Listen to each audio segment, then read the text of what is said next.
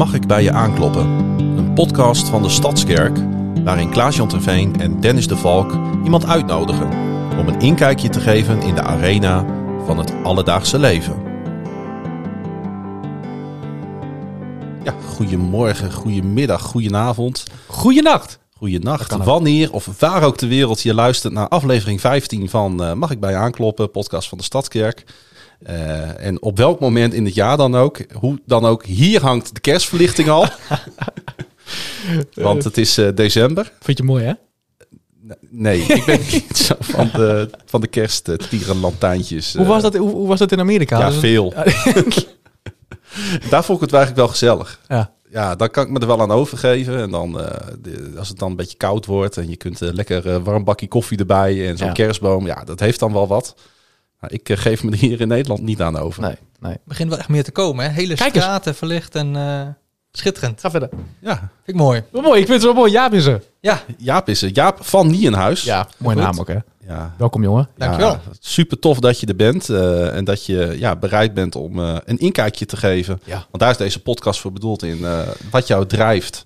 Wat, je een wat jouw route tot nu toe een beetje in het leven is geweest. En Ja. welke wensen je nog hebt. Wat je nog voor je ziet. Eh, misschien kan je al kort wat over jezelf vertellen en over je thuissituatie. ja zeker. Ik eh ben Jaap, ben getrouwd met Annelies. 35 jaar eh, ben ik inmiddels. Eh, bijna 10 jaar alweer getrouwd.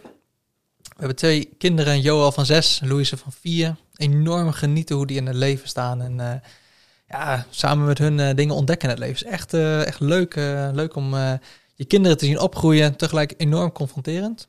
Eh, ik werk voor Next Move. Eh, daar ga ik zo meteen denk ik nog wel wat meer Ja. over vertellen.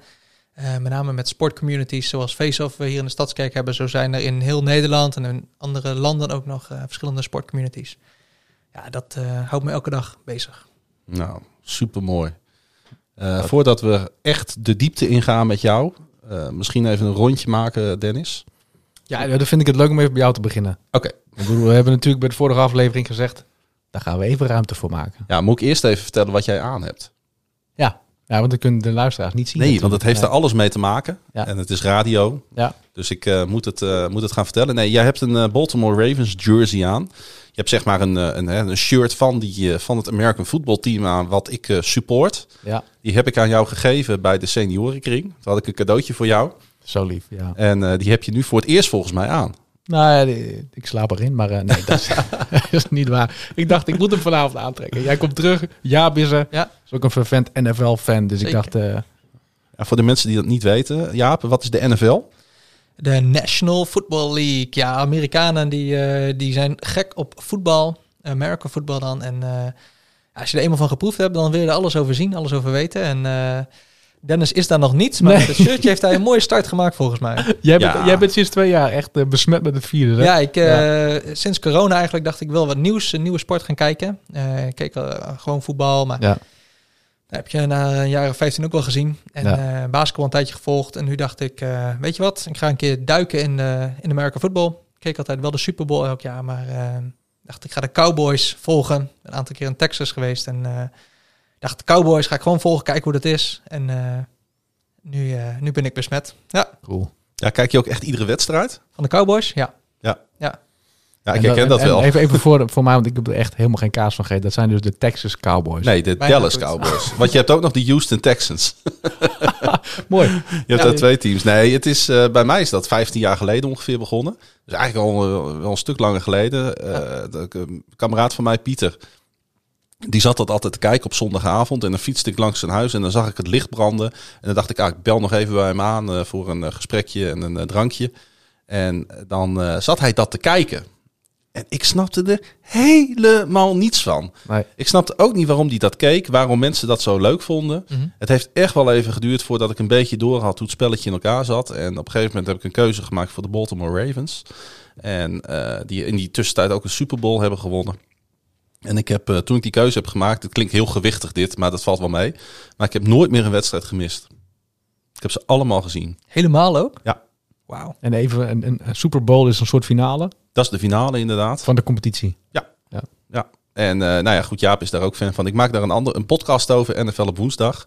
Volgens mij luister jij uh, hij stond vrij op trouw. Één, uh, hij stond op één bij mijn uh, Spotify Wrapped. Ja, fantastisch. Ja. Wat, dat is toch dat leuk. wil nogal snel, want hij is drie uur per aflevering. ja. Dus wij staan bij heel veel mensen staan wij op één. Elke week drie uur luisteren. Ja, het is, ja, en er zijn steeds meer mensen die beginnen dat leuk te vinden. En wij proberen dat uh, met een beetje humor en laagdrempeligheid... proberen wij dat uh, dan te bespreken wat er allemaal gebeurt in al die wedstrijden. En uh, ja, er zijn steeds meer mensen die, die luisteren daarnaar. Cool. Dus dat is wel een gezamenlijke passie. En ik was natuurlijk in Amerika. Vertel, ja. want eh, precies, daar willen we even heen. En dat, graag nou ja, de, deze intro is niet voor niks, want ja. ik was daar om, om die sport te bekijken. Ja. Want dat vind ik, ja, het is, is zo'n passie voor mij, die sport dat live zien in zo'n stadion met 70.000 andere mensen, dat is echt ongekend. Je weet niet wat je meemaakt.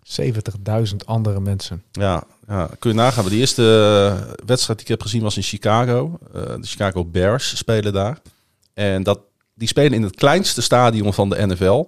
En er zitten er nog meer dan 60.000 mensen. Ja, ja, dat is bijzonder. Ja, en, uh, en ik heb de Ravens ook nog twee keer zien winnen. Dus uh, dat maakt het extra leuk natuurlijk. Ja. Maar, maar vertel eens, je bent twee weken heen geweest. Je hebt vier steden ja. aangedaan. Ja. Welke steden waren dat? Chicago, Detroit, uh, Baltimore en uh, Washington D.C. En we zijn gewoon, weet je, wij, wij, laten ons altijd, als ik naar Amerika ga, laat ik me gewoon leiden door het speelschema. Ja. Dus ik, ik weet nooit precies van tevoren waar ik terecht kom. Nou, toevallig was ik in deze steden allemaal al een keer geweest. Maar hoe, doe, hoe doe je dat dan? Heb je een Airbnb geboekt? Hoe doe je? je ja, we waren met een groep uh, van acht man geweest. We waren met acht man inderdaad. En we hadden in Chicago een grote Airbnb geboekt inderdaad. Met voor iedereen een slaapkamer. In een heel groot huis. En um, um, ja, dan voor vijf nachten. Ja. Uh, die andere steden hadden we hotels. Want Airbnb's uh, zijn vrij prijzig in Amerika. Überhaupt zijn hotels ontzettend duur daar. Ik weet niet Ja. precies waarom, maar het is eigenlijk niet te betalen. En eh, ik voel me wat dat betreft ook gezegend dat ik deze reis heb mogen maken. Want eh, nou ja, gratis is het niet. Nee. Ik heb er best wel even voor moeten sparen.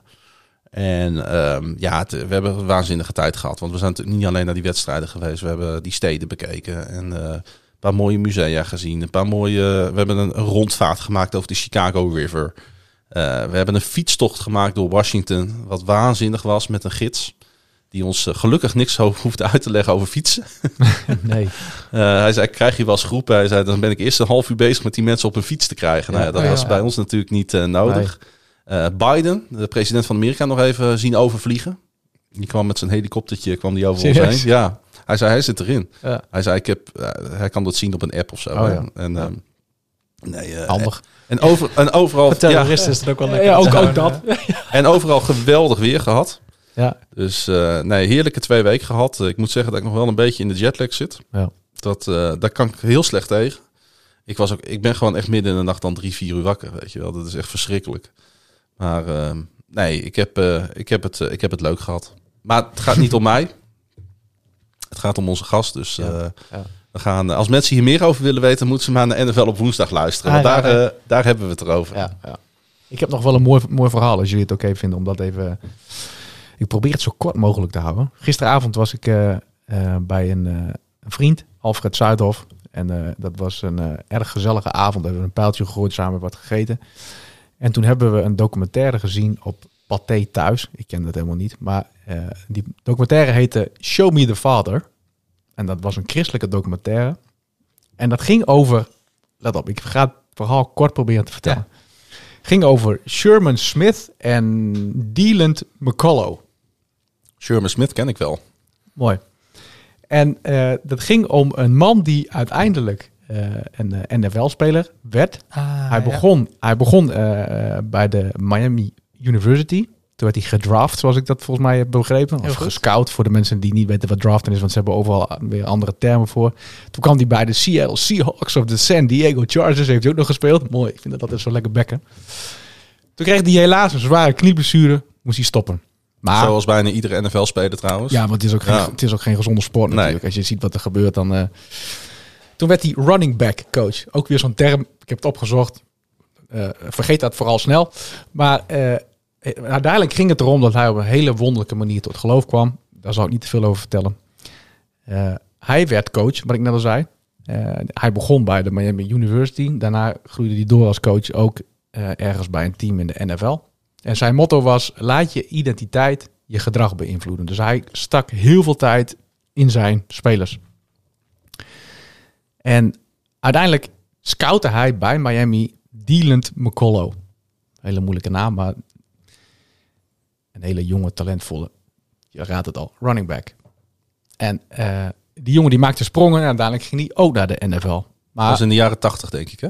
Eh, nee, de- nee die, die, die Sher- Sherman Smith die speelde zelf in de jaren 80. Ja. Eh, en 20 jaar later eh, ongeveer. Nee, dat is, niet, dat is niet waar. Ik weet het tijdsbestek, dat maakt niet Nee, maar niet. nee, nee, nee. Maar eh, nee, het was niet Volgens iets mij- recents, dat bedoel ik eigenlijk te zeggen. Ja, de, let op. Ja, Wat er nu gebeurd is, was wel eh, Ja. redelijk, redelijk recent. Eh, uiteindelijk maakt die jongen dus ook allemaal sprongen. Komt ook in de NFL terecht. Maar je raadt het al, moest stoppen vanwege een zware knieblessure. Mhm. Hij werd coach, running back coach. Hij begon bij Miami University. En uiteindelijk, hij leerde het vak van zijn mentor, Sherman Smith. Wauw. Ze hielden contact en eh maakten dezelfde carrière. Eigenlijk kon het gewoon als een soort blauwdruk over elkaar heen leggen. Dylan die kon eigenlijk met alles bij hem terecht. Tot na een jaar of twintig, ze kennen elkaar een jaar of twintig. Dylan door zijn pleegmoeder, want hij was geadopteerd toen hij twee was. Uitgedaagd werd om op zoek te gaan naar zijn biologische moeder. Nou, ging wat tijd overheen. Hij uiteindelijk de stap gezet. Hij kwam erachter wie zijn moeder was, contact gezocht. Ja, nou, weer ik zal je het hele verhaal besparen. Maar wie is mijn vader dan? Ja, je vader is Sherman Smith. Nou, Wauw. dat is echt. ja, als je kunt zien wat Wat? die, ja, je ziet hier gewoon. Dat is wel een beetje een spoiler. Ja, maar, ja, is het zeker een spoiler? Het spijt me. Wauw, Ja. ik zie vaak dingen aankomen, maar... het- eh, Nee. En als je het verhaal ziet, als je de documentaire ziet, je kunt hem ook op YouTube gewoon. eh, ik, zal hem, ik zal hem in de show notes zetten. ja? Eh, Het was. Ja. Alfred en ik keken elkaar aan en het was ergens een soort van. eh, ja, film met een happy end. Ja? Maar het was, het was zo mooi. Bizar, en dat hij ook door zijn eigen vader, eigenlijk ze hebben twintig jaar opgetrokken zonder dat ze wisten dat zijn vader en zo waren. Hij wist niet dat zijn scharreltje, want die, zijn moeder was 16, zwanger werd van hem. Ja, en uiteindelijk is het zo'n zo mooi verhaal over eh, nou, vaderschap en over wat zijn levensmotto was. Hè. Laat je, hij was gel- tot, tot geloof gekomen en toen uiteindelijk laat je identiteit je gedrag beïnvloeden. Mm. Ja, prachtig. En ik dacht, NFL, het is een soort van special. Ja, ja, ik zie die ja. met mijn shirt daar. Jij komt terug uit Amerika. Ja, het, dat, ja, het is Ja, prachtig. mooi, ik dacht, mooi. hoe mooi komt dat verhaal Nou, bij dit elkaar? ga ik zeker kijken, want eh, Ja. ik ben zeer Ja. geïnspireerd. eh, over geïnspireerd gesproken. Ik heb dan ook een korte tip. Ja. Je hebt een film dat heet The Blind Side. Ja. Dat gaat, eh, dat komt niet op hetzelfde neer, maar het zit wel in dezelfde sfeer. Ja. Eh, een, een jongen die geadopteerd wordt door een rijker Amerikaans gezin. Wat op sleeptouw wordt genomen, wat eh, van de straat komt in ehm, Memphis. En Memphis is echt, echt een hele donkere, duistere stad in, in Amerika. En, en daardoor ook uiteindelijk een carrière krijgt in de NFL. Ja. Gedraft wordt door de Baltimore Ja, Ravens. fantastisch. Ja. En ehm, eh, dat is echt eh, de moeite waard om die film te kijken. Eh, geloof, gezin, trouw zijn aan elkaar, eerlijk zijn. Al dat soort facetten zit allemaal in die film. En dat kan je echt inspireren, net zoals wat jij hebt gezien om, ja. En het leert je ook wat, want dat is ook mooi. Het leert je ook wat over de Amerikaanse cultuur. Ja. Over, het gaat daar best veel mis, Ja. denk ik. Eh, zeg ik even voorzichtig, zonder Nou ja, eh, dat- heel veel oordelen te zijn. Dat blijkt ook wel uit deze documentaire. Terwijl ik in Amerika was, was er weer een shooting eh, op een school in Michigan. En worden gewoon vier mensen, vier kinderen van het leven beroofd. Weet je, dat gaat, ja. dat gaat door merg en been. Ja. Maar ehm, eh, het de, de Amerikaanse cultuur heeft ook een schaduw, of een andere kant. Ja. Die echt, echt heel erg mooi is en waar we wel wat van kunnen leren. En ik denk dat dit American soort, dit, soort, dit soort verhalen laat dat wel zien. Ja, het is prachtig. Ja. Het is ook wel mooi om te zien hoe Gods hand daarin is. Ja, mooi. Jij knikte volgens mij. Ken, ken je de film? Blindside, zeker. Ja, ja. Twee keer gezien. Eh, Ik Ja. kijk niet eh, vaak films eh Nee. meerdere keren, maar deze was echt... eh, ook als je niet van sport houdt, eh alsnog, Precies. je blijft helemaal hangen in het verhaal. Schitterend mooi Super verhaal. tof. Nou, eh, aan jou de beurt, eh, Jaap, om een eh, ervaring te delen. Ja, ik, eh, ik dacht om aan te sluiten bij jouw verhaal, Dennis. Ja. Ik werk bij eh, Next Move en wij, werken, eh, wij proberen discipelen te maken in de sportwereld. En ik dacht, dit is een mooi voorbeeld van een soort van discipelschap. Je neemt iemand mee op sleeptouw eh, en je deelt over je eigen leven met Jezus. En ehm, gisteren mocht ik met de auto op pad naar Zwolle en naar Kampen. En met name in Kampen was ik echt geraakt. Ze hebben daar een sportcommunity gestart vorig jaar. En ze hebben daar gewoon eh, wekelijks 60 tot 80 kinderen op het veld staan. Zo. En de meeste zijn wel christelijk opgevoed, maar dan eh, vaak wat traditionelere kerken. Ja. En zij hebben als, eh, de leider heeft als voornemen van, hey, ik wil die jonge, die jonge kinderen, jonge jongeren wil ik graag ook laten zien wat de Heilige Geest ook echt door je heen kan gaan doen. En het is niet alleen de religie op zondag, maar het is veel meer dan dat. Ja, Hij, ja. God de Vader wil een relatie met jou. Ja. ja, en als ik dan zie wat daar gebeurt in het team, of met die leider persoonlijk, met die jongeren op het veld, ja, dan is het echt eh, ongelooflijk eh, bijzonder wat daar gebeurt in discipelschapsrelaties. Was echt opnieuw onder de indruk. Ja. En ehm, het, het is altijd als je, als je dan zegt 60 tot 80 jongeren, dan, dan is dat maar een nummer. Maar als je dan al die kinderen in de ogen kijkt Ja. eh, op woensdag, dan denk ik, oh mooi. Mooi is, wat hier dat is best wel, best wel een aantal hoor. 60 tot 80. Ja, het is echt in de zomermaanden dan, hè? Ja. van, van april tot en met eh, oktober. Maar goed, ook al waren het er 6 tot 8. Ik begrijp wat je bedoelt. Ja, wat ja, moet je, kijkt ze, is gewoon, eh, je kijkt ze in de ogen en, Ja. je, en, je, en je ziet de verandering plaatsvinden. Dan denk je, oh, dit is zo de moeite waard. Ja, mooi. Je kunt die film wel, eh, je kunt die documentaire wel gebruiken uiteindelijk. Ja. Die ik net heb. Filmavondje. Ja, ja. dat is helemaal niet zo gek idee. Ja.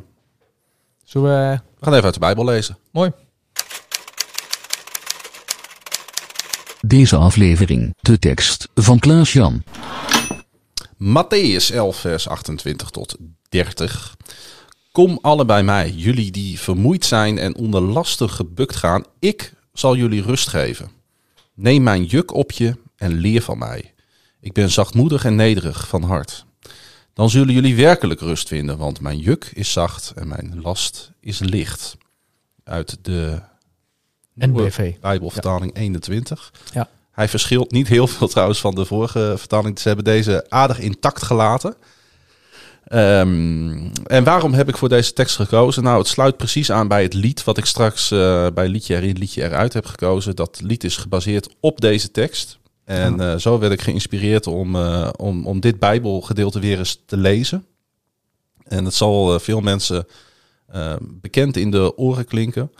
Maar hoe vaak, ik zat te denken, hoe vaak is onze eerste eh, eh, reactie op iets wat in ons leven gebeurt, niet om je vermoeidheid bij hem neer te leggen? Mhm. Hoe vaak is dat pas, doen we dat te laat? Ja, Mooi. Ja. Ja, dat is, dat is een goede. Ja. Ja. Ja. Ja.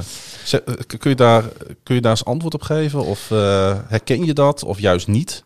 Ehm, ja, ligt eraan hoe groot of hoe klein het is.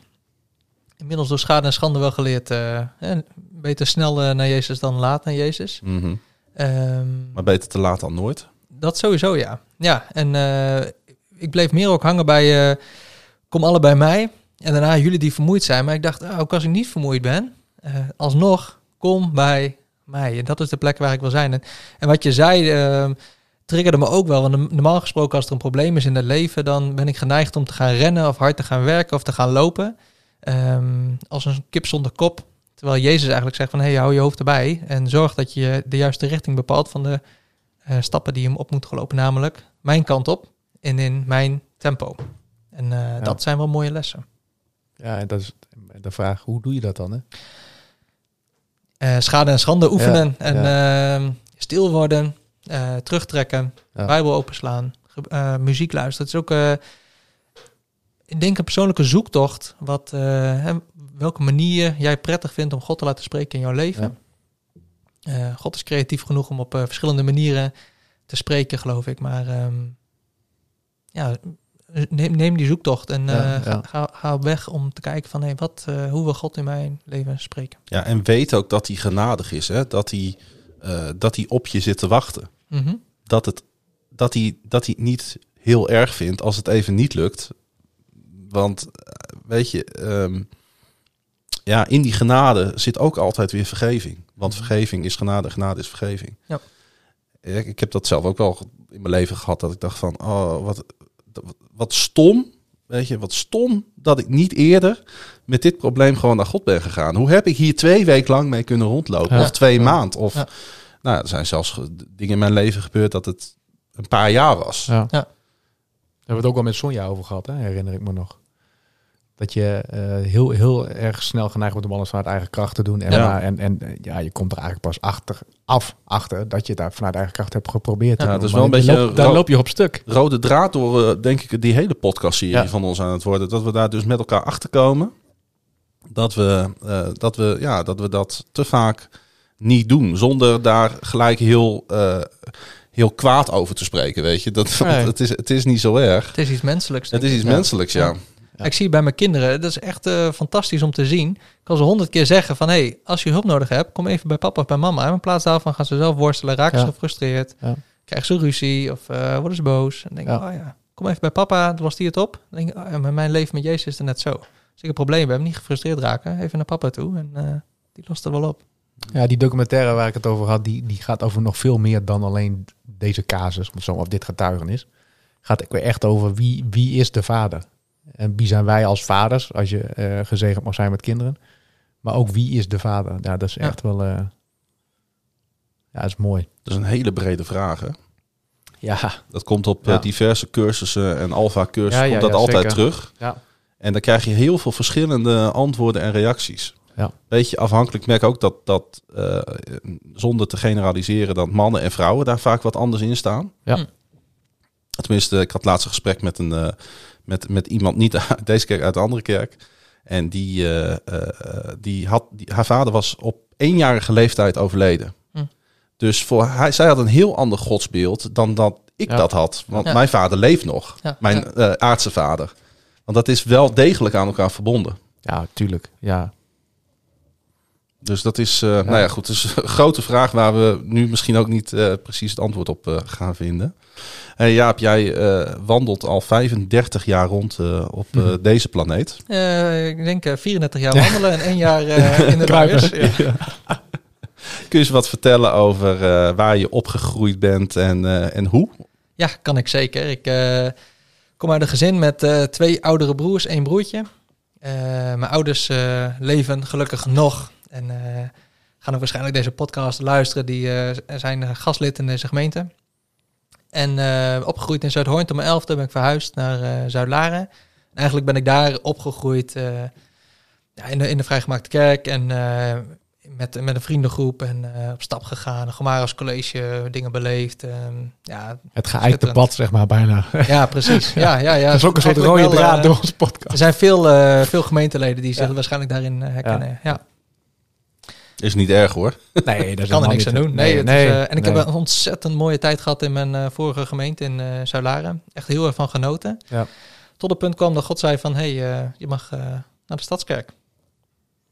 En sindsdien eh, zit ik hier in 2009. Kun je dat eh, moment Precies. herinneren? En dat ben ik zo nieuwsgierig. Ja, ja, ja, je kan het zeker herinneren. Want je zegt het zo standvastig namelijk. Ja, het, was, het is een bizar verhaal. Ehm 2008 kreeg ik een eh, burn-out. Eh, die heeft zo'n drie jaar geduurd. Maar gedurende Zo. die burn-out, eh, ja, was Oeh, pittig. ja. eh, lange tijd kantelpunt in mijn leven geweest. En ik was bezig in, om een carrière te maken in de sportmarketing. Waar ook super graag. En ik werd ziek en nog een keer ziek. En mijn oma overleed. En ik zei tegen God, waarom gebeurt dit in mijn leven? En God zei tegen mij, hey, toen je 15 was, heb je beloofd je leven aan mij te geven. Het is tijd om die belofte in te lossen. Ik was destijds 22. En ehm, ik had geen, ik, voor mijn gevoel had ik geen andere keus meer. Hè. De, kom alle tot mij, jullie die vermoeid zijn onder lastige bugs gaan, zeg maar. Ik, ik was die persoon op dat moment. Eh, ik had letterlijk geen energie meer. Ik woonde in de stad Groningen, ging nog naar de kerk in Zuid-Laren. Maar eh, in het najaar ging dat eh, qua energie niet meer om elke keer in de bus te stappen naar Zuid-Laren. Dat, dat, dat redde ik gewoon niet meer. Nee. Dus ik zei tegen God, Heer, ik wil naar een gemeente waar ik gewoon gevoed kan worden. En laat me zien waar ik heen mag. Maar ja, twee maanden lang kwam er niks. En eh, het was december 2008. En toen eh, dacht ik, Heer, ik wil dan naar een kerk toe gaan waar ik mag dienen. Nou, Wijs me dan maar naar een plek waar ik mag dienen. En eh, binnen een week, binnen zeven dagen tijd, kreeg ik eh, twee keer een krant door de brievenbus geduwd. met een artikel over de Stadskerk, of over de VBG destijds nog, Stadsparkkerk. En twee foldertjes in mijn brievenbus om langs te komen bij kerstdiensten. En toen ik dat voor de vierde keer las in zeven dagen, dacht ik, nou, Dat is wat aan. dat- dat is bijzonder. Ja. Maar ik, eh vrijgemaakte jongen, ik zat er Ja. midden, midden in, mijn, eh, in, mijn, in mijn oude gemeente. Ik, was, ik had er allemaal bedieningen en ik zat er middenin in het jeugdwerk. En ehm, ik dacht, nou, dit, eh, ja, dit is wel heel, eh, heel, heel radicaal. Echt eh, een vrijgemaakte jongen. Ja.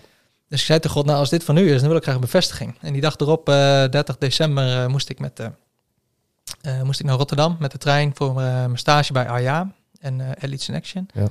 En ehm, ik was in Rotterdam en eh, er waren drie voetbalprojecten daar zo. Eh, drie evangelisatieprojecten. En ik eh, was samen met een vriend van mij. Ik zei, welke wijk gaan wij? Hij zei, ik wil gaan naar Spangen. Want er zit een meisje dat ik leuk vind. Prima, gaan wij naar Spangen. En, eh, Goed motief. Altijd Ja. een goede drijf. Ja, nou ja, precies. Ja, dat, eh, als het niet uitmaakt en hij heeft een voorkeur, dan is dat wat we gaan doen. Absoluut.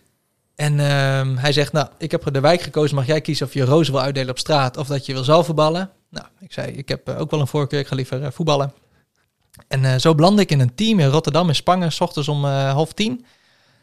En ik, eh is een groep van vijf personen. Ik zeg, hey, waar komen jullie vandaan? De eerste zegt, ik kom uit, uit de omgeving. Die andere zegt, nee, wij komen alle vier uit Groningen. Ik zeg, oh joh, dat is ook bijzonder, hè? Net de hele tijd gereisd. Ik zeg, "Wel- welke kerk gaan jullie? Oh, we gaan allemaal naar de Stadskerk. Oh, gisteren nog geen twaalf uur geleden om bevestiging gevraagd. Ik reis drie uur met de trein. en ik ontmoet jongeren die naar de Stadskerk gaan. En toen wist ik het zeker.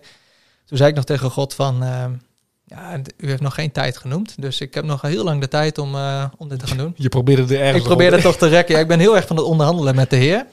En eh, gelukkig eh is God daarin genadig. Maar ehm, ik had s'avonds, toen ik terugkwam, nog een heel mooi gesprek met een meisje uit mijn vorige gemeente. Toen dat om half drie was afgelopen, op, via MSN destijds nog, Ja. dacht ik, oh, mijn, mijn, mijn periode zit erop, mijn taak zit erop. Ik moet het nu gaan doen. En eh, ik dacht, als ik nu een mail verstuur naar iedereen, dan denk ze dat ik te veel gedronken heb. Dat kon in die tijd nog. En eh, s ochtends, s ochtends werd ik wakker om half acht, wat er bizar vroeg was voor het moment dat ik ging slapen. En ik dacht, ik moet het nu doen. Dus Ja. ik heb iedereen gemaild, mijn ouderling en mijn ouders en mijn vrienden, ouders van vrienden. Zeg van, God heeft duidelijk gesproken, dit is het verhaal. Ik ga vanaf nu naar de Stadskerk, laat me uitschrijven. Ik ben er nog nooit geweest, maar dit is wel wat ik ga doen. En ik ga me ook laten dopen. En ik ga me eerst nog verdiepen in waarom ik me ga laten dopen, maar dat is wel wat ik ga doen. Jongen, jongen, jongen. En die eh, eerste zondag van eh, 2009 stapte ik voor de eerste Stadskerk in. En dacht, dit gaat nooit wennen. Nee? nee, dat was... eh, het heeft eh, drie jaar geduurd voordat ik echt me op mijn gemak voelde hier in de kerk. Omdat ik zo ontzettend thuis voelde in mijn vorige gemeente. Jongen, Ja. jongen, wat Ja. een... Inmiddels voel ik me hier eh, als een vis in het water. Dus, eh, ja. Goh. Ja. Wat een verhaal, hè? ja, ik eh keus gemaakt voordat ik eh er Weet- was geweest. Weet je wat ik... De, eh, lo- eh, losstaan van... dat je deze gemeente radicaal vond. eh, en ik moet denken aan jouw keuze. Die vind ik ook radicaal. Eh, ergens, eh, je, je hebt het gevoel dat God je roept, die gaat gewoon. Ja. Maar wat ik altijd zo integrerend vind... is, waar ik de laatste tijd ook wel wat meer over aan het praten ben met mensen... is... Hè, we zeggen wel, God, God, God sprak. Ja. En de een zegt, ik hoorde echt een stem. Nou, Ja. En, en de, de ander zegt, ja, ik, ik hoorde niet, een, niet een, een, een, een stem, maar ik had het gevoel dat er wel iets in mijn hart gebeurde of zo. Kun je eens uitleggen hoe jij dat... Ja, in dit geval eh, kon ik, ik had nog niet geleerd om Gods stem te verstaan. Dat kwam Nee. later pas. Maar ik vroeg God om een teken. Ja, en Ja. als er dan vier keer in, eh, in zeven dagen tijd iets komt, eh, dan, weet ik, dan, dan weet ik het. En als ik daarna drie uur, of binnen twaalf uur eh, in Rotterdam mensen ontmoet, eh, ja, dat was voor mij een hele duidelijke bevestiging. Ja. Ehm, Ja, eigenlijk is het zo dat God niet spreekt, maar God spreekt door die flyers. door die momenten Door die heen. ontmoeting. Ja, ja. Maar heb je op, op wat latere leeftijd ook wel... Ja, ja ik heb eh, eh, tijdens die, tijdens die eh, burn-out heb ik psychologische hulp gekregen ook om de boel op de orde te krijgen. Dat was christelijke hulp. En die zei, volgens mij wil God jou leren om zijn stem te verstaan. Dus we hebben geoefend. Hij zei, schrijf maar gewoon op papier wat, wat er in je opkomt. Ik vond het... eh, ik ben heel erg eh, rationeel, dus ik zit heel erg in mijn hoofd. En ik dacht, eh, ja, dat slaat helemaal nergens op. Maar ik begon te schrijven. En na vijf minuten kwam hij terug en ik las, moest voorlezen wat ik had opgeschreven. En ik dacht, nou, dit is, niet- dit is niet van mij. Dit is echt niet, het is niet mijn woorden, het is niet mijn, mijn spreekstijl. En het is veel liefdevoller voor mezelf dan, dan dat ik voor mezelf ben. Ja. En ja, sindsdien dacht ik, oh, weet je, God spreekt blijkbaar door mijn gedachten heen. En ik moet het alleen leren filteren. Ja. En ehm, sindsdien versta ik Gods stem gewoon in mijn, in mijn gedachten. En eh, nu herken ik door, en de schapen herkennen de stem van de herder. Inmiddels weet ik wanneer God spreekt, wanneer mijn eigen gedachten zijn. Eh, maar, maar ik heb er eerst daarin ingelezen en zo. Maar de eerste anderhalf jaar dat ik Gods stem kon verstaan, sprak God alleen maar, ja, ik hou van jou. Serieus? Anderhalf jaar lang alleen maar dat. En ik zei, heer, ik weet dat, ik wil graag meer horen. Jaap, ik hou van jou. Ja, heer, weet ik, weet ik. Nee, ik hou van jou. Dat, Jeetje. echt anderhalf jaar lang heeft dat, eh, heeft dat geduurd. En toen dacht ik, ik ga dit nooit, nooit begrijpen hoeveel God van mij houdt. Dat dit het is wat ik blijkbaar moet gaan pakken. Weet je, je identiteit ligt in Jezus Christus, maar je moet het wel accepteren. Ja. Ja. Dat is een beetje waar ik aan moet denken. We weten dat, we spreken dat in evangelische kringen heel snel uit. Dat zinnetje. Eh, totdat ehm, iemand ooit aan mij vroeg, al twintig jaar geleden.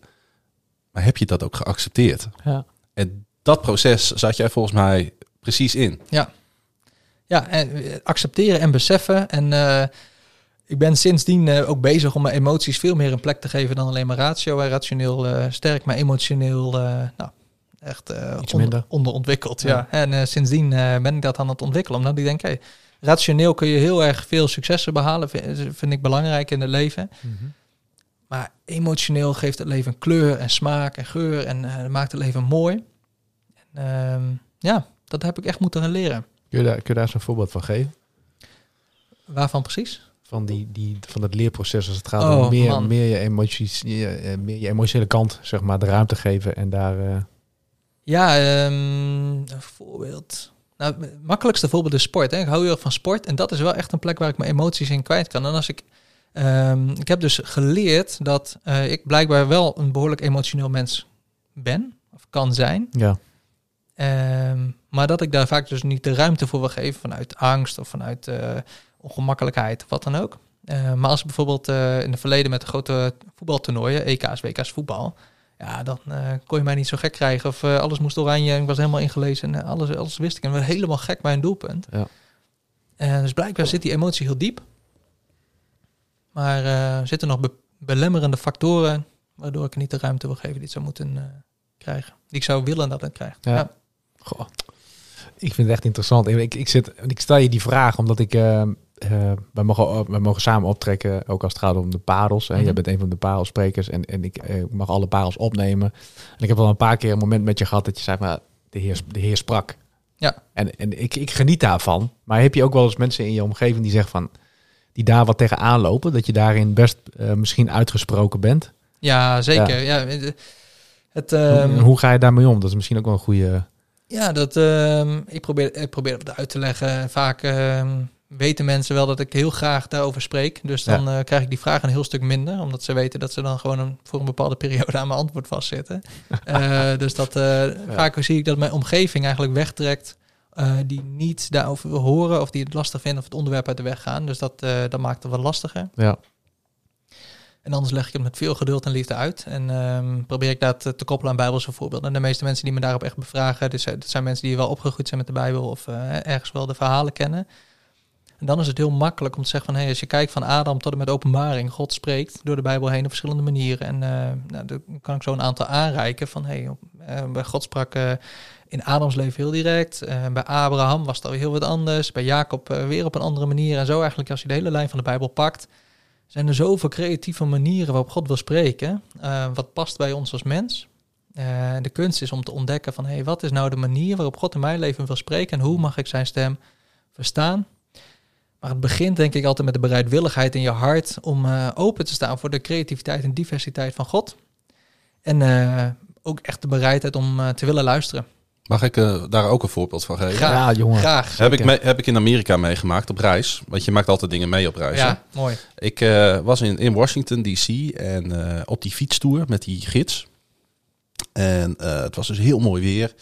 En eh, ik had een e-bike gehuurd, dus eh, ik kon eh, lekker grote afstanden afleggen in de stad. En op een gegeven moment komen we, want Washington is één groot monument. Ja, Alleen maar voor oud-presidenten, oorlogsmonumenten, dat soort dingen. ja. Op een gegeven moment kwamen we bij een monument en nou, die gids allemaal dingen uitleggen. Maar ik zag ergens, zag ik op een grasveld verderop, zag ik allemaal mensen zitten. En, en er werd gezongen. En dat triggerde mij gelijk. Want ik voelde gelijk van, daar moet ik heen. Ja. En iedereen ging die monumenten bekijken. Ik denk, eh, ik, ga, ik ga daar even heen. Ja. En dat raakte mij enorm. Ik werd ook heel emotioneel op dat moment. En het bleek dat dat eh, mensen waren die vlakbij het eh, monument voor de Koreaanse oorlog zaten. En de Koreaanse oorlog wordt in Amerika ook wel de vergeten oorlog genoemd. Mm. Daar wordt niet zoveel over gepraat. En dat waren Zuid-Koreanen. En zij kwamen iedere dinsdagmiddag komen zij daar met hun Zuid-Koreaanse kerk om te bidden voor Noord-Korea. Wauw. En ik vond het zo, dat raakte mij zo ongelooflijk. Dat ik dacht van ja, dit is ook geen toeval dat net deze dinsdagmiddag ik hier Mm. ben. Mooi. Dat het midden in de winter zo mooi weer is dat ze daar ook zitten. Ja. En ik heb ook even een heel kort gesprekje met een eh, mevrouw gehad. Ze heeft me ook een foldertje gegeven. En ik dacht, ja, ik weet niet waarom ik dit nu zie, waarom ik dit nu meemaak. Ik heb eh, ervoor gekozen om vanaf die dag, iedere dag tot nu toe voor Noord-Korea te bidden. Hmm. Mooi. Want die, onze broers en zussen in dat land, nou, eh, ja, Ja, dat... eh, dat, dat, daar staat, weet je, daar kunnen wij ons geen voorstelling van maken. Dus dat probeer ik ook niet. Mm. Maar ik had wel echt, eh, als je het hebt over God spreekt. Nou, God sprak door die mini openlucht kerkdienst op dat moment door mij heen. En ik dacht van, ja, dit, hier moet ik wat mee doen. En hij legde een soort gebedslast op je hart. Ja, Ja. en eh, eh, misschien is dat het ook wel eens, dat het niet helemaal duidelijk is wat God precies tegen je zegt. Anders dan jij gaat hier nu wat mee doen. Precies. Ja, en dan moet je het, en dan vraagt iemand, leg dat eens uit. Ja, je weet dat het zo is, maar leg, Ja. leg dat maar eens uit. Ja. Dat is niet te doen. Nee. Nou ja, en dan Dat is maak wel je, mooi. Ja, dus ik- daar moest ik even aan denken. Dat was gelijk even mijn... Ik was het alweer vergeten dat ik dat wou vertellen. Ja. Maar eh, zeg maar, nu eh, Ja. via een omweg komt het weer terug. Wauw. Ja, Ja, mooi man, mooi om... eh, dat zijn echt ontmoetingen waarvan je denkt, hoe ben ik hier terechtgekomen? Maar ben ik blij dat ik hier geweest ben. ja, ja. En ik heb dat heel vaak al op reizen. Dat is ook de waarde van, van reizen. En ik, ik was daar helemaal niet eh, om, om mijn geloofsleven een boost te geven. Hè, daar kan ik er gewoon heel eerlijk in zijn. Ik kwam daar om sportwedstrijden te kijken. Ja. En toch maak je altijd maak je iets mee. Het, op de heenweg in het vliegtuig was hartstikke rustig. We hadden gelukkig heel veel plek. We konden Oh, helemaal een rij voor onszelf, weet je wel. eh. Ja, oh, zalig is dat. En ik zit op een gegeven moment, en op een gegeven moment gaan de, gaan de lampen dan even uit op zo'n lange vlucht, zodat mensen even een dutje kunnen doen. En ik liep zo een beetje door het vliegtuig heen. En er zit een man op de ene laatste rij. En ik denk, ik zie dat nou goed? Zit die man nou eh, in de Bijbel te lezen? En nou ja, dat was inderdaad het geval. Dus ik heb even een gesprekje met hem gehad. Bleek een een of andere eh pastoor te zijn die in een die had, hij had gepreekt in, eh, in, in Nederland en ging weer terug naar zijn eigen kerk in, in Illinois. En nou ja, weet je, dan heb je gelijk op de heenvlucht alweer zo'n ontmoeting en zo'n gesprek. En even, e- eventjes was ik weer, denk ik van, oh ja, want zeg maar de rest van de groep was op één na eh, ongelovig. Ja. En dus dat is best wel eens lastig. Ja. Maar er was eentje mee die geloofde wel en die is hier te gast geweest. Dat is Wouter, Wouter Ja. Roorda Ja. die in de, in de eh, van de mesdagkliniek werkt. En eh, ik ook op een ochtend, want wij sliepen in die Airbnb in Chicago aan één kant van het huis. Ja. En ik dacht van, volgens mij hebben we het nu even nodig om, eh, nou ja, toen heb ik even wat eh, christelijke muziek opgezet. Ja. En toen zei hij ook, oh, hij zei bedankt dat je me hier even aan herinnert weer. Ja, Ja, mooi. Ja, Ja. ja, ja, Ja. Heb je nodig.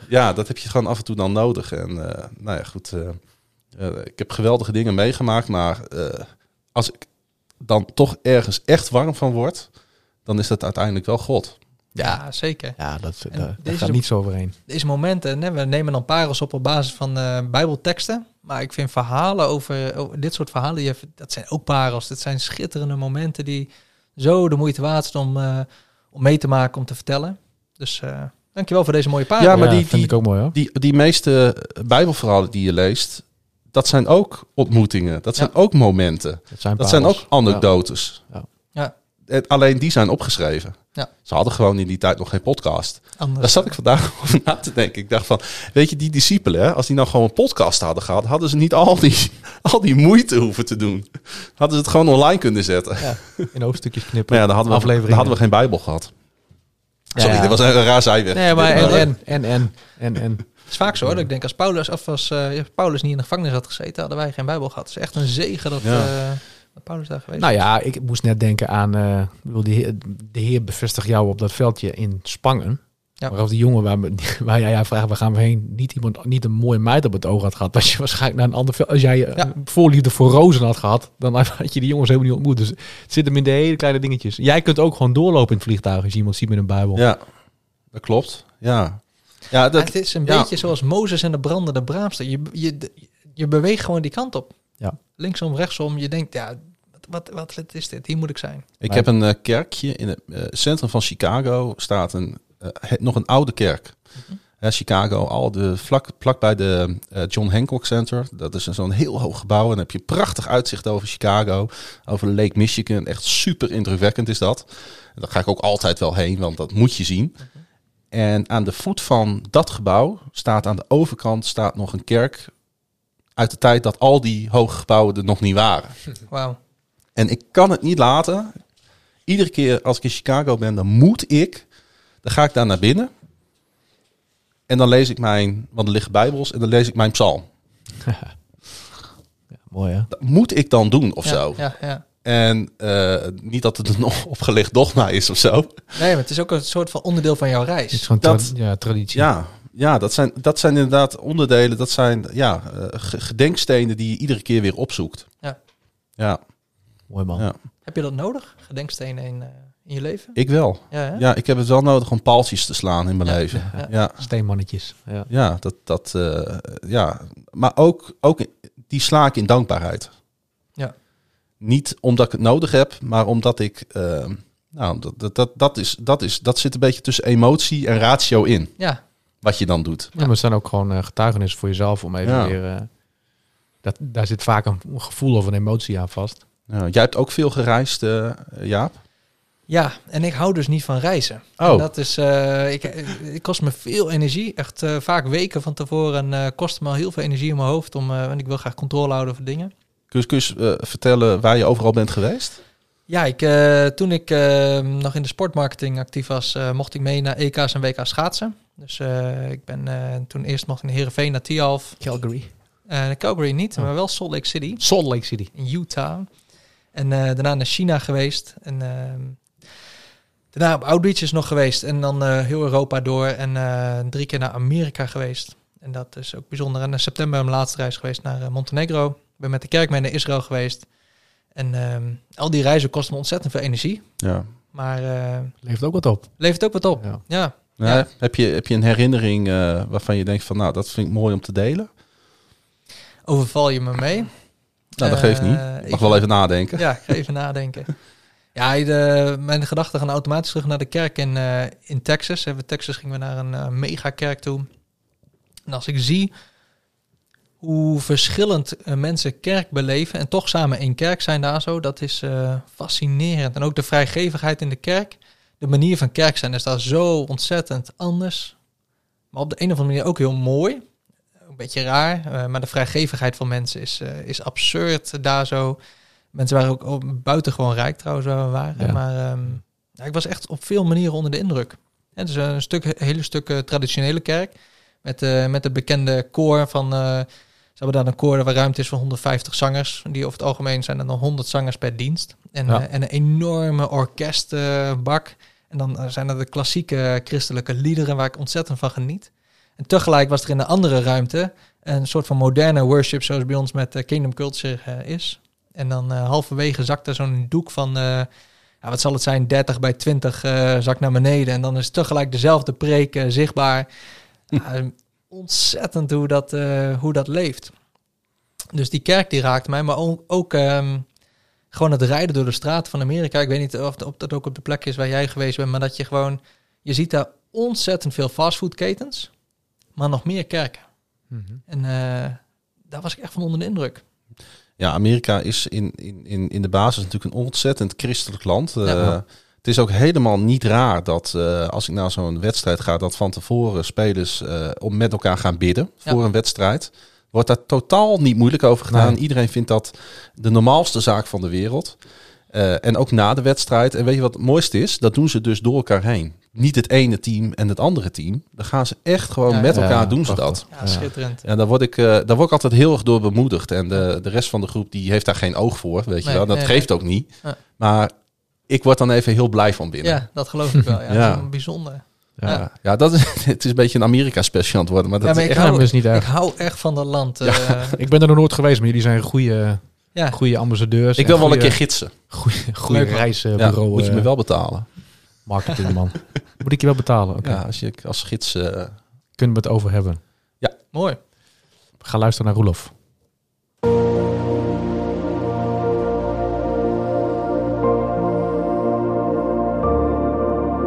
Het verborgene.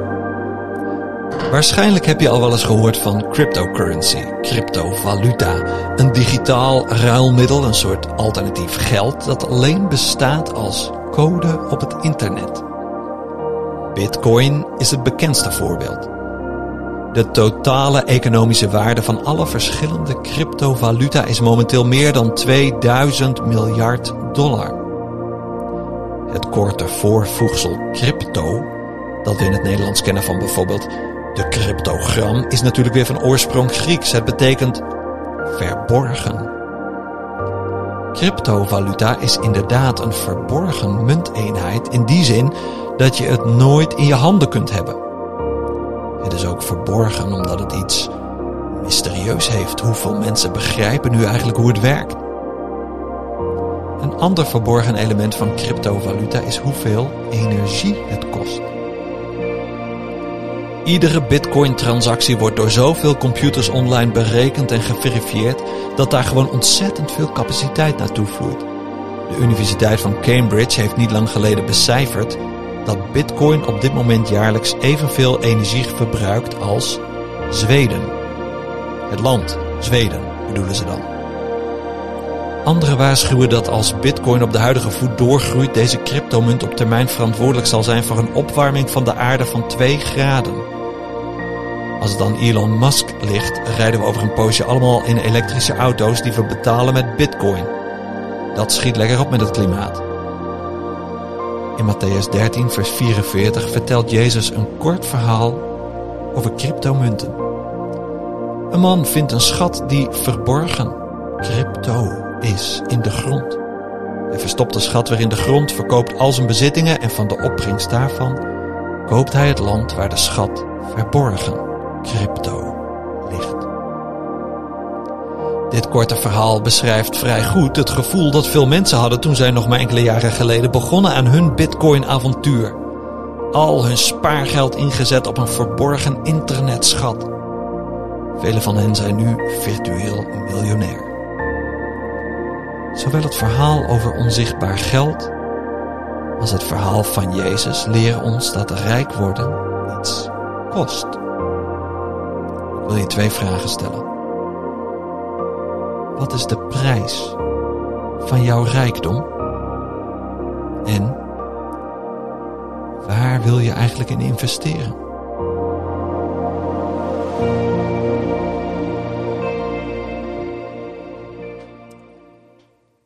Wauw. Waar, waar wil jij in investeren, Jaap? Nou moet je wel met een heel christelijk antwoord komen, dat snap je. Ja, Ik, zat, eh, ik zat terug te denken aan de preek van eh, Arjan van laatst over eh, hoe ga je om met, eh, met Opkomen voor de schepping. Ja. opkomen voor de schepping. En ik dacht, ik had veel minder moeite met opkomen voor de schepping in de jaren dat ik nog eh, hè, nauwelijks rond kon komen. Ja. Ik leef op giften. We hebben een hele periode echt financieel lastig gehad, zwaar gehad. Eh, en toen moest ik dus wel hele goede ecologisch verantwoorde keuzes maken. Ik kon niet zomaar in de auto stappen ergens heen rijden, want ge- geld voor brandstof was er niet. Nee. Vliegvakantie zat er überhaupt niet in. Nog steeds trouwens eh, niet, maar nu ook Nee. omdat we een gezin hebben. Ehm, en, en dat soort keuzes, ja, kon gewoon niet gemaakt worden. En dus zorgde ik heel goed voor de schepping. Maar hoe meer geld ik heb, hoe moeilijker het wordt om goede ecologische keuzes te maken.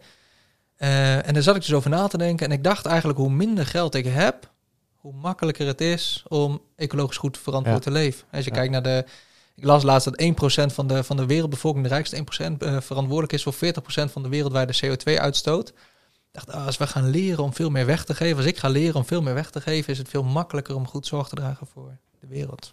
Ja, en de wereld is zo ehm, op zichzelf gericht. Heeft zo de oogkleppen op. Ik heb toevallig vandaag een artikeltje geschreven op de bomen op de grote markt. Die er gaan komen. Ja. En hoe ondernemers daar ongelooflijk boos over zijn. Ja. Want het haalt licht weg en ik moet een deel van mijn terras weghalen. En mensen zitten dan niet meer in de zon en dan gaan ze niet meer op mijn terras zitten. Terwijl bomen in de winter, eh, in de zomer, ehm, eh, de temperatuur in een stad doen dalen met 8 graden gemiddeld. Wauw.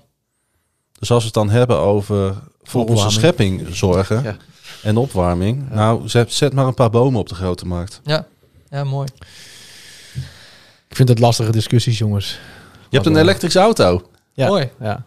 Nee, dat is prachtig. Ik doe het nog beter. Ik heb Je geen hebt- auto. Je hebt een fiets. Ja. We hadden eh, tijdens de lunch een discussie over eh, kerstbomen. Ja. Kunst of echt. Ja. En de een die had een artikel gelezen over dat een echte boom minder goed is voor het milieu. Is het ook. En? Ja. Nee, ze zijn allebei slecht. Nee, maar ga precies. Dus, eh, ter- terwijl ik dan, daar kan ik niet zo goed tegen, tegen dat soort discussies. Dus ik zeg van, hoezo? Een boom is toch gewoon een boom? Het is gewoon natuur, is gewoon schepping. Nou ja, dan uiteindelijk, dan, dan- Niet gewonnen dus. nee, dan haak ik ook af. Ja. Maar, maar ik, ik, wat ik lastig daaraan vind, is dat je zoveel artikelen hebt met voor's, tegens, dat je, welke bron kies je? Mooi. Vind jij? Ik bedoel, wat? Uiteindelijk is eh, Jezus is de bron. Ja, precies. Ja. Dus ik, dan kun je ook dingen zeggen, ja, je moet helemaal geen kerstboom nemen. Maar het is wel, eh, je wordt zo plat gegooid en eh, eh, Ja, in, de, in de jaren dus dat wij geen geld hadden, hadden wij ook vaak geen kerstboom. Geen geld Nee. voor. Ook Nee. geen discussie, ook geen kunstboom. Nee. Op nu kregen we geld, kochten een kunstboom. Nou, ja, maar zolang je dat dus niet allemaal niet hebt, heb je dat hele probleem niet. In Afrika is ook veel minder CO2-probleem enzovoort. Maar en hebben we andere problemen. Hè? Ik zeg niet dat we die kant op moeten bewegen, maar ik denk wel, als we de rijkdom veel beter zouden verdelen, zouden we ook veel minder CO2-problemen hebben, zouden we veel minder wereldwijde Ja. problemen hebben. ja, ja, en inderdaad, een beter milieu begint bij jezelf. Dus eh, Ja, maar dat is lastig, hè? Want als je dan kijkt naar, ik weet niet hoe het met jullie zit, maar als je kijkt naar je financiën en naar je uitgaven, dan denk je, ah ja, maar dit is ook wel lekker, dit is ook wel makkelijk, dit is ook wel comfortabel. Dus Klopt, hoor. de preek van Arjan, eh, die zingt nog na. Ook met dit mooie stuk van Roelof. eens. Ja, ik zeg even niks. Ik ben heen en weer geweest in een vliegtuig naar Amerika. Ja, dus ik, mijn eh, voetdruk... ja, nee, eh, ik- ja. Ja, Nee, ik ga waarschijnlijk binnenkort ook, dus dan eh, ja. ga de je al. voetafdruk is aardig groot. Zeg jij gaat voor de Heer. Ik ga voor, eh, voor mezelf. Ja, ja, Nou ja, goed, als je voor de heer gaat, dan is, komt er net zoveel CO2 uit, hoor. Nee, is niet waar. dat, is, dat, is, dat is fake nieuws. Oké. Jongens?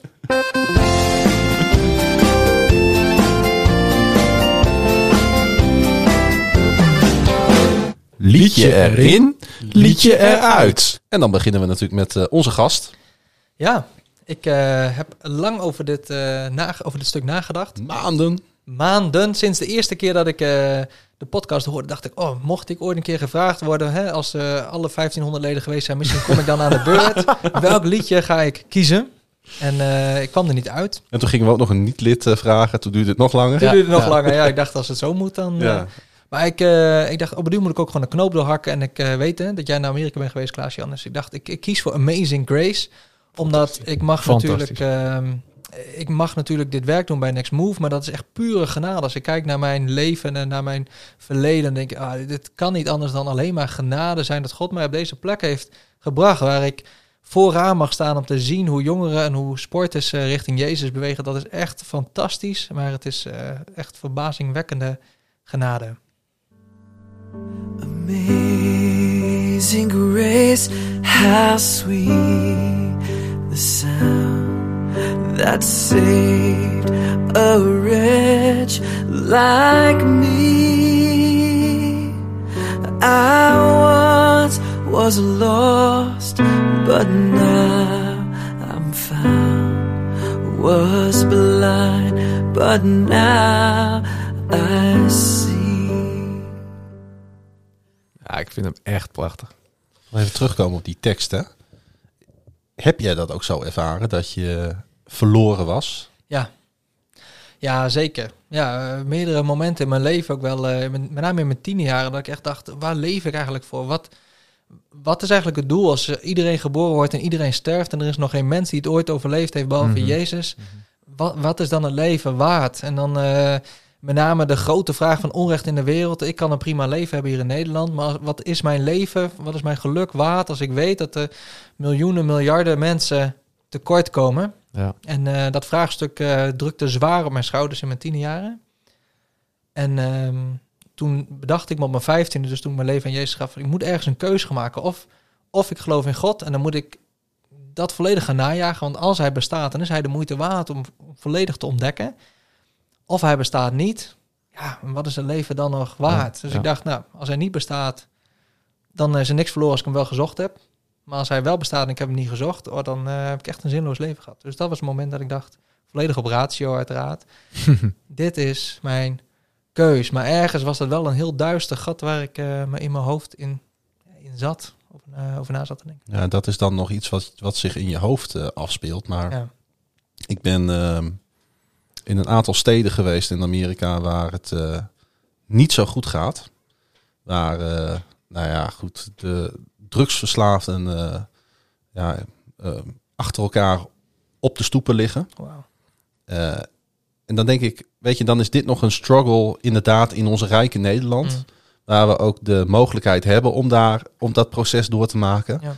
Maar wat als je daar opgroeit en je moeder is verslaafd aan heroïne en je vader is uit het zicht en je hebt geen huis om in te slapen. En het enige wat je warm houdt is die spuit in je rechterarm zetten iedere dag. Ja. Weet je, en niet om afbreuk aan jouw verhaal te doen hoor, want dat is echt niet de bedoeling. Want, want ieder verhaal is uniek en iedere relatie met Jezus is, is Mhm. uniek. Maar dan is dat wel moeilijk om dat te zien. En dan mijn leven en het geld wat ik heb uitgegeven de afgelopen week, om daar dan naast te zetten. Ja. Dus je komt wel Des- eens in gewetensnood eh, op Des dat soort te- momenten. Ik wel ja. in ieder geval. Ja, Hoe mooi is het dan dat God ook mensen vanuit andere streken, bijvoorbeeld de Stadskerk, naar Amerika stuurt om, Ja. daar, om daar het evangelie te brengen. Juist voor die mensen waar jij het over hebt. Ja, ja en ik hoop ook echt, eh, het is echt mijn gebed, dat, dat daar een ommekeer eh, in mag plaatsvinden. Niet alleen daar, maar ook hier. Ja. Eh, ik fiets hier ook wel eens door de stad. Ik fiets hier ook wel eens langs de, eh, langs de, langs de prostituees. Ja. Die ook in Groningen gewoon nog achter de ramen staan. En al die gebrokenheid. En dan eh, zet ik daar mijn, daar mijn struggles daar wel eens naast. Mm. En dan denk ik, ja, eh, oh, het valt eigenlijk wel mee. Ja. Het, de, de genade die ik met mij mee mag nemen in mijn leven, dat is ongekend. Dat, is, dat, dat, Ja. dat heeft geen bodem. Dat heeft zoveel diepte. Mhm. En eh, ja, dan hoop ik echt dat, eh, dat we met elkaar, eh, eh, hoe dan ook, en hoe God dat dan ook doet, dat we iets mogen doen aan die gebrokenheid. Mooi. Nou, als je het hebt over gebrokenheid, dan. eh, ik heb een eh, lied gekozen van eh, Matthew West. En de titel is Truth to be Told. En eigenlijk is. ehm, het gaat een beetje om twee dingen. Aan de ene kant is het de gebrokenheid die, eh, waar je eerlijk voor uit mag komen. Want wij zijn in, eh, in, in Nederland eh, best wel heel erg eh, snel geneigd om eh, aan elkaar te vragen: alles goed? Ja, het gaat goed. Ehm, en, en ook in een soort van een, eh, een evangelische bubbel te leven waarin het gewoon goed gaat. Ehm, maar het gaat niet altijd goed. En ik was gisteravond, zei ik al bij Alfred, en iedereen heeft zo zijn, eh, zijn issues. Dat zie je ook in de tekst. Hè. Ja, die, die, iedereen die vermoeid zijn en onder lastige. Ik denk dat iedereen lasten heeft. En in de ene periode van je leven meer dan de andere. En ehm, ik hoorde dat lied en ik dacht, weet je, het gaat om openheid. Wil je verder komen, dan zul je ergens gewoon eh, voor de dag moeten komen met je, met je, met je issues. En eh, dus vandaar dat ik dit lied heb gekozen. Ook om de mensen die eh, deze lijst gewoon luisteren te bemoedigen. Het is wel een beetje hetzelfde genre. Volgens mij alle drie de liederen. Dan geef ik alvast even een heads-up. Maar het is gewoon lekker om te luisteren. Luister maar. Line number one, you're supposed to have it all together. When they ask how you're doing, just smile and tell them never better. Line number two, everybody's life is perfect except yours. So keep your messes and your wounds and your secrets safe with you behind closed doors. But truth be told, the truth is rarely told. I say I'm fine, yeah, I'm fine, oh, I'm fine, hey, I'm fine, but I'm not. I'm broken, and when it's out of control, I say it's under control, but it's not. And you know it. I don't know why. so Eh, eh, ja, ik, het genre is niet helemaal mijn genre. Maar ik vond de tekst gewoon eh, een soort van verhalend. Geen leugens en eh, the truth to be told. Dus Heel mooi. Hey, eh, dan moeten voor jullie allebei ook eh, twee liederen uit. ja, Waar, waar hebben jullie voor gekozen? Ja, ik, eh, sorry Dennis. Ik heb goed. gekozen voor eh, Lars Scherven voor Altijd Verbonden. truth to be told. Hè? Ik bedoel, eh, dus Ja. dit is goed. Ja, ja, ja, ja.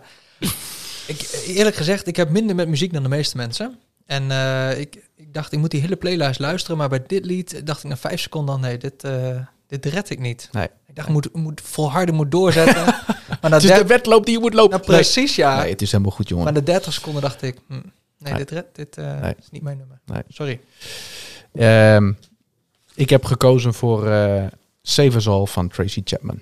En daar is geen reden voor. Ik vind het heel moeilijk om wat eruit te Ja. knikkeren. Eh, dan denk ik dat het ook wel goed uitkomt dat ik ehm, dat ik afsluit omdat eh, het lied Rest for Your Soul van eh, Austin French, eh, denk ik een heel mooi afsluitend haakje Ja. is voor deze, voor deze aflevering.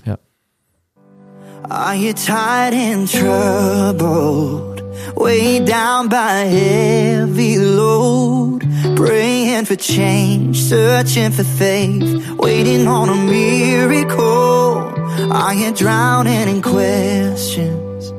Can't believe where the road has led. There's one who knows the heavy you hold, and he says.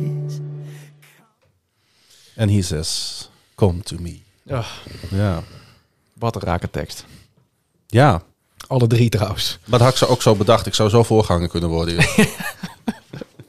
Wat dat betreft. Dat lijkt mij wel wat. Dentibo met Home gaat eruit. Ja. En, eh, ik, ben, eh, ik heb ook op like geklikt, want eh, op Spotify kun je de volledige lijst van alle nummers die erin hebben gestaan eh, terugvinden. Ja. En eh, ik, heb die, ik heb hem in Amerika eh, voor het eerst heb ik hem aangezet en ik heb hem eigenlijk niet meer uitgezet. Nee. Maar ja, er is één nadeel aan die lijst. Gaan we die kant op? De second chapter of Acts staat er ook in. en ik heb hem vanmiddag helemaal geluisterd. Frans. Speciaal voor jou. Ja. Wat een offer. Goed.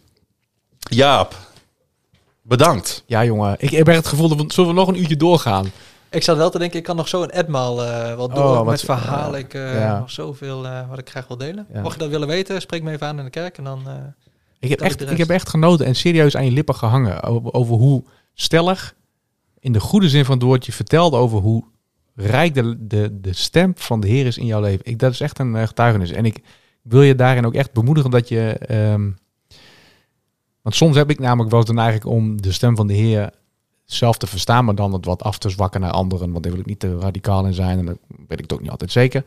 Maar ik denk dat het voor de generatie waar jij mee werkt, eh, en ook voor de leiders die jij mag toerusten, echt een bemoediging is. Dus eh, het is Thanks. mooi. Mooi dat je dat eh, zo doet en ik, eh, ik zegen je daarmee, jongen.